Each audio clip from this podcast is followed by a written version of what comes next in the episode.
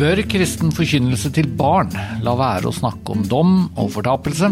Det er dagens hovedtema. I tillegg besvarer vi spørsmålet om hvorvidt de med funksjonsnedsettelse er akkurat som Gud ønsker det. Og er vi egentlig overrasket over noe av det prinsessen vår har gjort i det siste? Velkommen til podkasten Ottosen og generalen. Jeg heter Espen Ottosen, informasjonsleder i Norsk Luthersk Misjonssamband. Og mitt navn er Øyvind Aasland, og jeg er generalsekretær i Misjonssambandet. I dag Espen, syns jeg vi må begynne med å si en takk til alle som lytter og ser på. Syns du ikke vi skal gjøre det?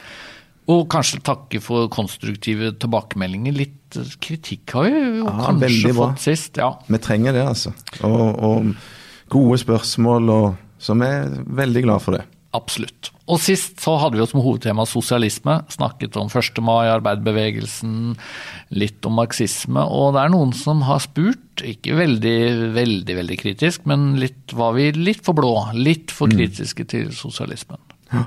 Det har vi tenkt på nå. Og Vi ble jo egentlig litt overraska over den kritikken, for vi tenkte at vi kom ut kanskje litt rød på en måte, siden vi liksom vedkjente oss eh, forfedrene som som var i arbeiderbevegelsen og sånn, men, men, det er kanskje noe i det at vi kom litt for lite inn på, og det ligger jo i sakens natur, da, men kapitalismens eh, slagside.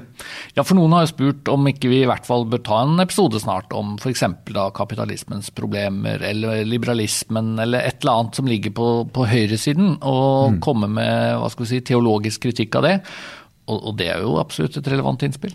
Det er absolutt relevant, og det er absolutt mulig og på sin plass å komme med ja, ganske kraftig eh, kritikk, mener jeg, da, basert på Bibelen, mot uh, enkelte sider ved kapitalismen og den blå sida. En vekstideologi, f.eks kapitalismen som forutsetter ganske kraftig vekst i økonomien hvert år, er det faktisk mulig å opprettholde, eller ødelegger du både mennesker og planet med ja. den typen eh, politikk? Og da er vi jo plutselig selvfølgelig veldig over i eh, ganske sånn praktisk politikk. Mm. Og det var vi jo opptatt av sist også. Hvordan eh, kommenterer vi dette som kristne ut ifra mm. Bibelen? Og når må vi bare leve med at kristne tenker ulikt? Noen syns liberalistiske ideer de funker veldig bra. De, vi må bare akseptere at kapitalisme er det som funker best, f.eks.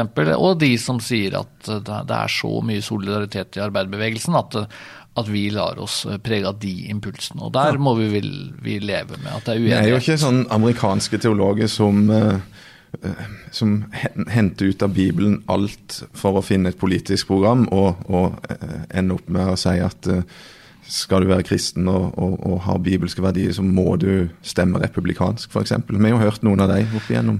Vi har det, og da blir det veldig klart for oss at det å komme fra Norge, det å ha med seg en slags sånn sosialdemokratisk arv, det preger, og, og, det er ikke så ja, veldig lett å bare si at ja, men vi skal være bibelske, og så lager man politikk ut ifra det. Ja. Uh, og det var vel et hovedbudskap sist. Men vi snakka også om Seiersten sist, altså dette ja, misjonshuset i eh, Fredrikstad. Som er solgt til en muslimsk gruppe, kan mm. bli moské. Og debatten raser faktisk eh, fortsatt? Ja, rase og rase, fru Blom. Den, eh, det er iallfall en viss eh, debatt. Og dagens, du forholder deg avslappet til dette? Ja, ja nei, altså Nei, jeg, jeg, tar det på alvor. Men uh, dagens leder syns jeg var veldig usaklig. Mangla egentlig noen gode argumenter for å si at det var helt forkastelig av NLM å, å selge. Det var mye basert på følelse og, og kanskje et snev av frykt. Og det syns jeg ikke vi skal la oss uh, styre av. Men, Nei, men vi kan jo presisere igjen da, at vi, vi, vi, er jo ikke glad for at et bedehus blir gjort om til en moské. Det er jo ikke det, er ikke det vi ønsker skal skje. Nei. Men for oss er det på en måte litt sånn hipp som happ tror jeg vi kan si, hvor muslimer tilber sin gud. Mm. Vi på en måte støtter jo ikke den tilbedelsen. Vi vil at de skal tilbe Jesus Kristus mm. som frelser. Men om dette skjer i et bedehus som er nedlagt, som vi har forlatt, som ikke lenger er et bedehus, mm, eller om det skjer et helt annet sted, det er jo ikke det avgjørende. Og som misjonsorganisasjon så er vårt kall å forkynne Jesus som eneste veien til frelse. Vårt kall er ikke å hindre at muslimer skal få utfolde sin eh, religion en, når de gjør det på en fredelig måte. Så, så her eh, er det for så vidt òg mange ting vi kunne snakke mer om, men vi har ikke tid til det akkurat i dag. Vi kan si at vi har tatt en runde på seiersten, og, og det er tilstrekkelig. Men du, Espen, du bruker ofte å spørre meg hva har skjedd siden sist, Øyvind? ja. Skal du gjøre det i dag? Ja, hva har skjedd siden sist, Øyvind? Jo, du, nå skal du høre. Eh, jeg har en tilståelse å komme med. Ok. Jeg har deltatt i en konkurrerende podkast. Oi! Ja. ja. Selvfølgelig ikke så populær og bra som vår, men Nei, men, det, skal, men, det, skal, jo litt til. Det er jo ja. to journalister i dagen, ja. eh, Tore og Tarjei, mm. som, eh, som, har en podkast. Og jeg, jeg, glemte å fortelle deg at jeg ble invitert til og, og hadde en gjestevisitt der. Ja. Ehm, så akkurat den episoden tror jeg kan anbefale folk å lytte til. Det var ganske bra. Ja, men det er fint. Og ja. du har jo da fått eh, opparbeida deg grundig erfaring med dette. Så jeg vil jo tro du var sånn sett en drømmegjest. Jeg tror det. Og jeg satte som premiss for uh, at jeg ble med, at jeg la inn et godt ord og reklamerte for Ottosen og generalen. Så, ja, så jeg da, tror Jeg håper du ikke er lei deg. Da forholder jeg meg helt avslappet ja. til det. Takk. Skal vi si at det var eh, det vi hadde om aktuelle saker i dag. Og sånn. så går vi til hovedtemaet. Det er jo alvorlig, eh, og det har vært mye debattert. Og spørsmålet er er det greit å forby at kristne snakker til barn om fortapelse. Dette er Ottosen og generalen, en podkast fra Norsk Luthersk Misjonssamband. Nå blar jeg litt i papirene mine her, fordi dagens tema det er nyhetsaktuelt. Ja. Jeg har printet ut uh, litt dårlig printer, men det, jeg tror jeg klarer å lese det likevel. Spare på blekket. Anders Torp. Han vokste altså opp i en ytterliggående, tror jeg vi må si, karismatisk mm. menighet. Har fortalt sin ganske rystende historie mange ganger. Og han har skrevet i Dagbladet for ikke så veldig lenge siden, og han blir invitert til Dagsnytt 18 etterpå, at alle trossamfunn som snakker om helvete eller fortapelsen til barn, de bør miste statsstøtten. Og helst så mener han at slik forkynnelse blir, blir forbudt, for dette er skadelig. Ja. Hva skal vi svare på det, for vi tror jo på fortapelse. Ja, vi gjør det. Det er mange ting å ta tak i der, uh, i det som han Torp sier. Uh, men vi kan jo begynne med å si at det er viktig å, å, å lytte til historier som folk har. Altså den her Frelst-debatten som gikk ja. i VG, der unge mennesker fortalte om hvordan de ble manipulert, eller opplevde iallfall å bli manipulert i en kristen sammenheng. Mm. Det, det, er klart det er veldig viktig for oss å lytte til sånne historier og ta det på alvor. Ja. Og jeg tenker at um, Anders Torp han har en bagasje med seg. Han har jeg på å si, noen arr i sjelen. Uh, og når man har hørt litt og lest litt av det han har opplevd, uh, så er det jo ikke vanskelig å si at det er forferdelig. Mm. Og sånn skal ikke en oppvekst i en kristen menighet være. Mm. Um, så, men så er noe av det vanskelige at det er hans historie, og hvor representativ er den? Um, Nei, vi, jo... vi, er jo vokst opp med, med alvorlig forkynnelse, vi. Ja, og jeg tenker ofte på det når jeg, når jeg hører um, folk som vokste opp sånn i nærheten av meg i, i tid og sted og sånn, og, og, var på ja, noen av de samme bedehusene, gikk i det samme miljøet.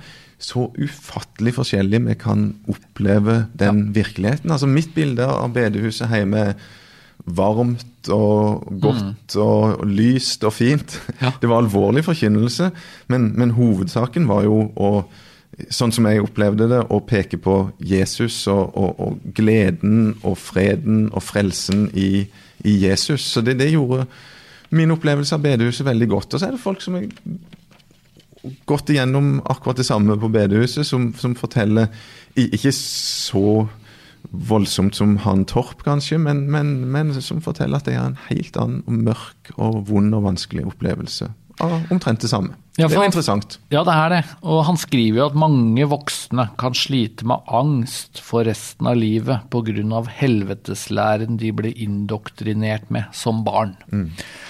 Um, det som er litt vanskelig med den påstanden, er jo å finne ut ja, hvor mange er det snakk om. Uh, mm. er, er, dette barn uh, som har opplevd et eller annet spesifikt i en helt konkret menighet, så det, det pleier ikke å, å skje? Uh, er dette noe som, som er sjelden? Og, og, kanskje, det tror jeg mange barn også har opplevd, at det kan jo være noen små episoder som setter seg veldig fast. Selv om det ikke var noe dominerende forkynnelse, så var det på en måte én setning som, som skremte. Ja, det, en ting som er litt viktig, tenker jeg, det er at det, det brukes konsekvent ordet 'helvete' i, i, det som skrives og debatteres nå for tida. Og Helvetes det, flammer brenner under barns føtter. Det er ja, faktisk det han, det sterke, han sier, da. Ja. Jeg, jeg, jeg, tør påstå at i min barndom så hørte jeg ikke ordet 'helvete' i forkynnelsen. Det ble snakka alvorlig om livets to utganger. Ordet 'fortapelse' ble brukt. Men, men, helvete er ikke et ord som er mye i bruk i bedehus i dag, og var det heller ikke når jeg var barn for noen tiår siden. Nei, det tror jeg du har rett i. Og og jeg tenker også at vi skal jo tilpasse forkynnelsen til barn. Og, og det er klart, eh, jeg blir eh, iblant spurt om å holde en andakt på et familiemøte eller et eller annet slikt. Og tenker meg jo om eh, når det gjelder hvordan jeg da snakker om Jesus som eneste vei til frelse. Mm. Ønsker jo på ingen måte å skremme. Eller utbrodere det. Det, det, gjør vi jo i alle fall ikke. altså Nei. Prøve å, å, å, beskrive og utbrodere liksom den evige pine. sant? Vi, vi er jo veldig tilbakeholdne, og, og, og, det er vi fordi at Bibelen er tilbakeholden med å beskrive de realitetene der. Ja, for en del av det folk eh, tenker på når eh, man sier bare ordet helvete, det er jo kanskje mer uh, myter mm. og tradisjonelle forestillinger enn konkrete tekster som løfter fram den dobbelte utgang eller noe. Du, Jeg tenker ofte på Paulus og Filippabrevet 3 når vi snakker om de tingene her. For jeg tror at eh, Paulus eh, innfører på en måte et sunt prinsipp der. Mm. Han, han, sier, som jeg ofte har sagt dere, og nå igjen sier med tårer, mange vandrer som fiender av Kristi kors, de ender i fortapelsen. Og, og, og, det prinsippet som jeg tenker på her, det er at Paulus sier med tårer. Det er ikke noe sånn jublende hurra fordi noen går fortapt, eller dette er noe som ikke berører i det hele tatt? Det berører så sterkt mm. at Paulus klarer ikke å snakke om det uten at uh, tårene presser. Nå sier jeg ikke at du eller meg blir nødt til å grine når vi snakker om det, men, men det sier noe om at vi skal være varsomme, vi skal tenke på alvoret i den type forkynnelse, og ikke minst minst eh, når vi møter barn, så, så, skal vi Jeg tror ikke vi skal eller må legge skjul på det som vi tror er sant, at livet har to utganger, at det finnes en fortapelse. Men vi må sannelig tenke nøye gjennom å gjøre det med vett og forstand. Mm. Men hva tenker vi er eh, problemet med å gjøre som Anders Torp sier, da? Fordi han vil jo barn det beste, og tenker at det kan være godt å tro på Gud. Mm. Men det å tro på denne dømmende guden som skal straffe millioner av mennesker, det er bare negativt. Mm. Nei, jeg, jeg det går jo an å forstå? Ja, det går an å forstå. Absolutt. Men det går an å forstå eh, at barn skal skjerme altså F.eks. du og meg som vokste opp under den kalde krigen. Vi hørte mye om, om atomtrusselen og at Eh, kanskje snart en dag så, så, så er vi utsletta fra jorda sin overflate. Og, og, og, og, det sa jo de voksne i nyheter og mm. overalt, fordi at de, de, mente det var sant. Det var jo en reell trussel. Ja. Og, og da var ikke løsningen å slutte å snakke om det. Og det var mange av oss som kanskje kjente på Jeg hadde det jo tøffere enn deg, tror jeg. Fordi jeg er jo vokst opp vegg i vegg med Slagen-raffineriet mm. i Vestfold. Eh, Esso sitt eh, oljeraffineri.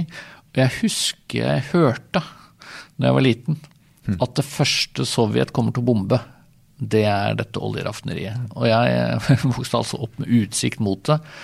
Og var rimelig redd altså, hver mm. gang den flyalarmen gikk for at uh, dette var slutten på verden. Og vi er jo Altså, jeg var åtte år mm. når Sovjet gikk inn i Afghanistan i 1979. Og tenkte jo at da tas vel Norge da, i neste omgang. Dette er et land som bare vil utvide og utvide og utvide sin, sin makt. Så jeg var, jeg var skremt. Og i dag snakker jo mange unge om at vi burde vært mye mer skremt enn vi pga. klimaspørsmål og sånn. Så det er jo mange eksempler fra samfunnet på at eh, vi snakker om det som er ubehagelig fordi det er sant, det som kan virke veldig truende fordi det er sant.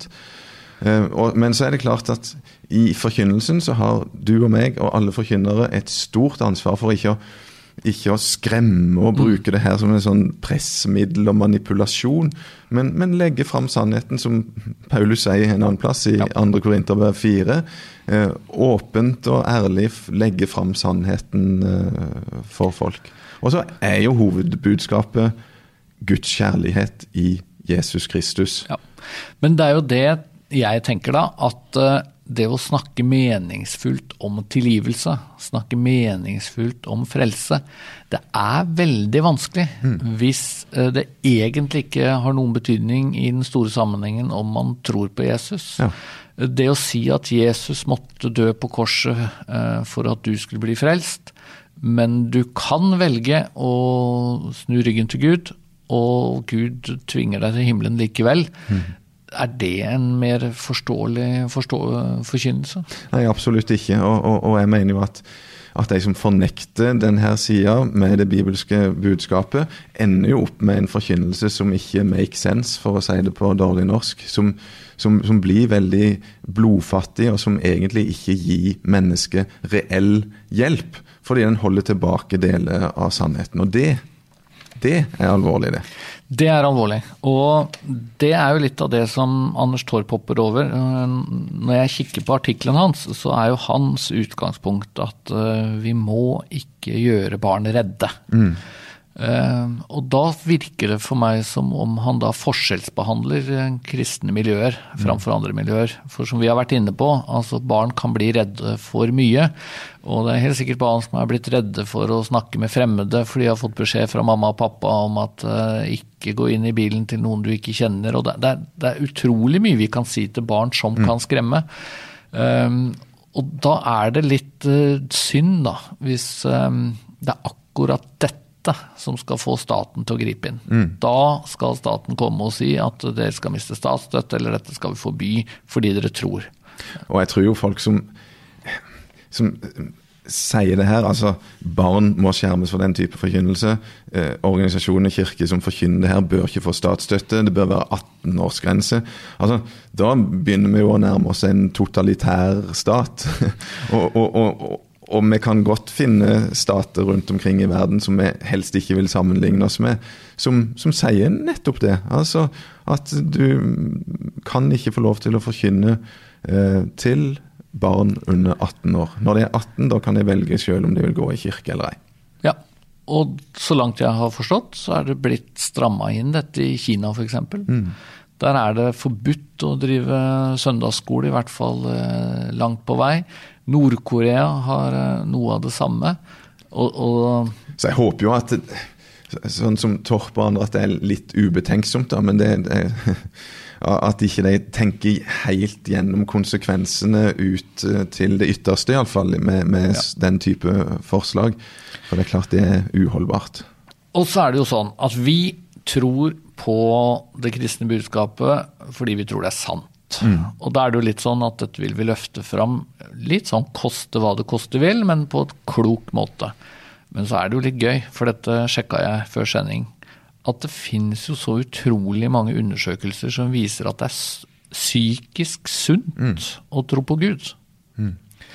Og um, jeg fant i en artikkel på forskning.no som er fra, 19, fra, 2017, så den er jo ganske uh, fersk, egentlig. Og det er jo ikke akkurat en kristen nettside. Ja. Og Der står det altså at 72% av alle studier som har undersøkt forholdet mellom religiøs tro og psykisk velvære, de har vist en positiv sammenheng. 16% har vist en negativ sammenheng, og 12% har ikke funnet en sammenheng. Så det er altså Veldig interessante tall, da. Ja. Mm. Og det er der jeg tror egentlig at uh, Anders Torp rett og slett sprer myter. Det hadde selvfølgelig vært uh, trist hvis det viste seg at, uh, at, det å tro på Gud, eller det å være kristen, eller kanskje til og med konservativ kristen, som, som vi kan kalle oss i noen situasjoner, mm. at det var skadelig for den psykiske helse. Og så ville vi jo fortsatt sagt det skal være lov å, å tro på ting som andre mener er skadelig, mm. men her her viser jo forskningen at uh, det er sunt å tro på Gud. Ja, det gjør faktisk det. Og, og det, det, bringer meg tilbake til min egen barndom og, og, og, det som de fleste faktisk eh, opplevde på bedehuset hjemme. Det var at det her er lyst og godt. Ja, det er alvorlig, sann forkynnelse om ja. livets to utganger. Men, men, hovedsaken er jo det som Gud har gjort gjennom Jesus for å frelse alle mennesker bort ifra fortapelsen. Ja. Og det må vi selvfølgelig sørge for at står i sentrum. Ja.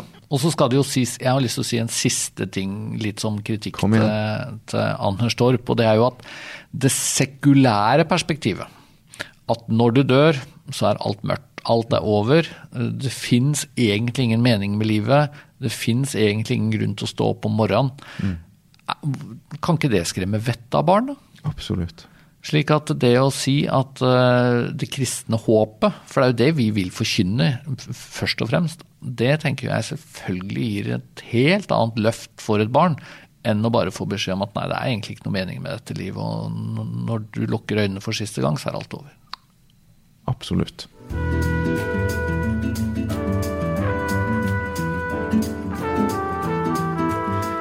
Nå over til noe ganske annet. Vi har starta med spørsmålsspalte. Ja. Eh, lover at vi skal svare på ett minutt. Det har vi ikke holdt så langt. Jeg er ikke sikker på om det går i dag, for det, det kommer jo ganske sånn store, viktige spørsmål til oss, da. Det gjør det. Det, det er veldig artig det, å ja. få mange spørsmål. Altså, så må vi jo erkjenne at noen av det er veldig mange av det egentlig er så store at det er uforsvarlig å svare på ett minutt. Og vi er redd for å støte den som har stilt spørsmålet, et alvorlig og skikkelig spørsmål, og gjøre det bare på ett minutt. Men vi prøver jo likevel, da. Vi prøver, og det ja. skaper en variasjon også, at vi ikke går dypt ned i alt. Første spørsmål i dag er til deg, eh, Espen. Og eh, det er omtrent sånn som det her. Iblant sier kristne til andre mennesker at alle er skapt akkurat slik Gud ønsket det. Skal vi også si det til og om mennesker med funksjonsnedsettelse?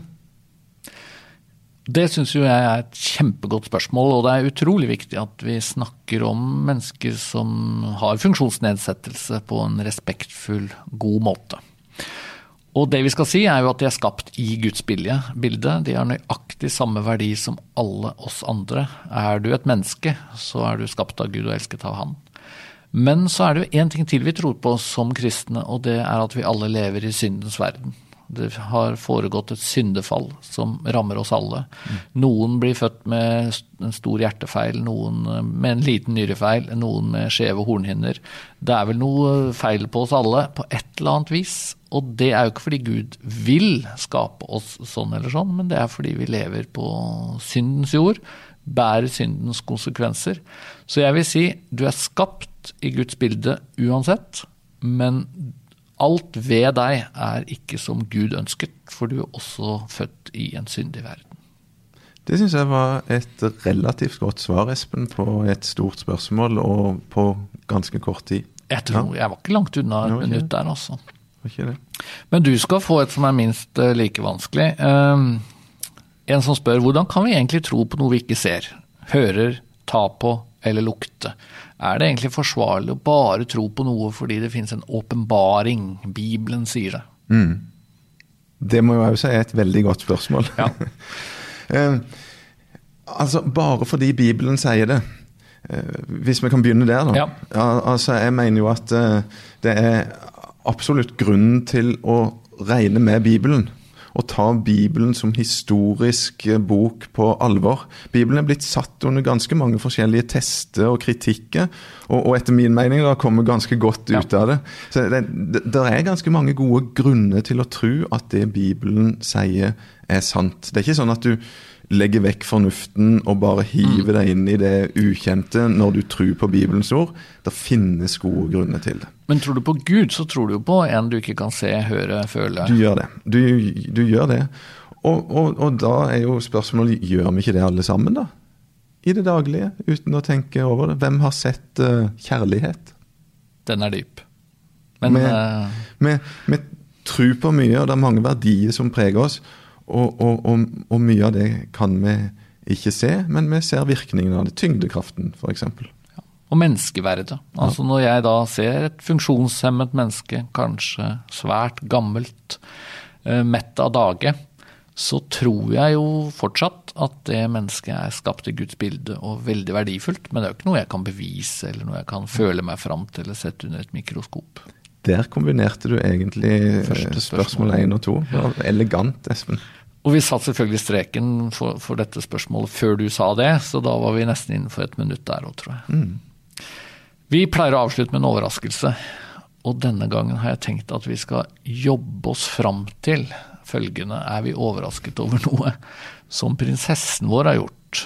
Prinsessen og sjamanen.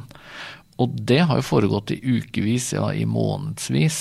Ja, noe så veldig. Men er du, er du overraska over noe? La oss starte med, er du overrasket over at Märtha drar på turné med en sjaman fra USA? Egentlig ikke, altså. Jeg, jeg syns på en måte det er litt i tråd med det hun har drevet med før. Engleskole og forskjellige sånne ting. Så, så jeg Nei. Nei. Jeg er ikke overraska. Er du? Uh, nei, jeg er egentlig ikke det. Uh, og jeg jo tenker at dette er ikke noe stor forskjell uh, fra det som har vært. Det jeg er litt overraska over, kanskje, det er jo at hun har fått såpass sterk støtte i hvert fall en stund fra Den norske kirke Ja. og fra prester. Og det er jo ikke mange dagene siden at en dialogprest, Silje Trym Mathiassen, refset mediene eh, fordi de mente at de mobbet eh, prinsessen. Det var jo på den eh, forestillingen eller hva skal jeg kalle det, som Ja. hadde blitt flytta fra kirka til et hotell i Stavanger. og Der deltok hun likevel, hun presten som du snakker om. Men du som jo ikke dukker så veldig dypt ned i mediene alltid, men, og du er jo ikke engang på Facebook, men er hun blitt mobba, prinsessen? Det, det kan, syns ikke jeg. Altså, det er, er jo to ting her som, som jeg syns er viktig prinsipielt å snakke om. Det ene har du kommentert ganske behørig i media Ja. og fått litt oppmerksomhet om det. Er det naturlig å være medlem i Den norske kirke når du driver med det her? Eh, Og det andre er jo det med prinsessetittelen, å bruke den kommersielt sånn som hun gjør. Og, og, og, og så, lenge, så lenge samtalen dreier seg om det, så mener jeg det er helt eh, normal kritikk som hun bør forvente etter det her. Ja, det er jeg egentlig enig i. Og så tror jeg det kanskje finnes to unntak. Det ene er sosiale medier. Der er jo jeg litt mer aktiv enn deg. Du er det. Og, og jeg, Hva skjer? jeg syns det har vært ganske mye eh, latterliggjøring og harselas. Og at når du slår sammen alt det og tenker at dette foregår i uke etter uke, så kommer det en eller annen vits. Jeg har hørt ganske mange vitser. Noen har ikke vært så veldig morsomme. Noen er litt sånn uskyldige. Kong Harald som syns det er artig at Märtha har funnet en sjømann, eh, er jo en av de. Eh, Den er jo helt grei, men, men det er jo en del eh, harselas der ute som, som jeg tenker egentlig indirekte rammer oss da, som kristne. Det plager meg litt. altså Folk Mm. som sier at det er, ja, ja, hun tror jo på veldig mye rart og underlig, og sånn, men det gjør jammen vanlige kristne òg, så dette er jo egentlig bare til å blåse av. Det er jo litt uh, irriterende når det kommer. Og, og det er jo ikke så veldig mange som har Det er vel noen som har kommentert litt grann på det her med åndsmakter, åndskrefter, eh, som, som vi som kristne mener er reelle. Og, og, og hva slags eh, befatning er det faktisk eh, prinsessen og sjamanen har med de her åndskreftene? På hva slags måte framstilles det? Ja. Og det er jo mye, mye av det som minner om det som jeg opplevde eh, i, i misjonstjenesten min på Kenya-kysten. Iallfall noe av det som jeg har hørt som er kommet fram fra han sjamanen. Og det betyr jo at eh, vi forholder oss jo litt alvorlig til dette. Vi eh, er jo ikke med på en sånn latterliggjøring eller tenker at dette bare er gøyalt eller bare sirkus eller noe sånt. Eh, Vi er jo bekymra for at prinsessen vår fremmer en religiøs tankegang som er stikk i strid med kristen tro, og som egentlig kanskje til og med innebærer lefling med onde åndsmakter, for å si det veldig teologisk. Ja. Absolutt. Ja, Da ble vi vel egentlig enige om at det var ikke så veldig mye overraskelse å hente i dette, men vi har leita litt. Og det, ja, litt overraska var vi jo tross alt, da. Overraska over at biskopen uh, rett og slett stengte kirken rett før. Ja. Vi får konkludere med det. Da går det mot slutten av podkasten uten et eneste ord om fotball, og det kan vi vel kanskje ikke leve med. Det er jo litt kjedelig, da. Og jeg regner jo med at det er mange som vil savne det hvis vi ikke snakker noe om det, men på annen side så er vel tida ute. Den er vel det, og start er jo ikke så veldig mye å si om akkurat nå.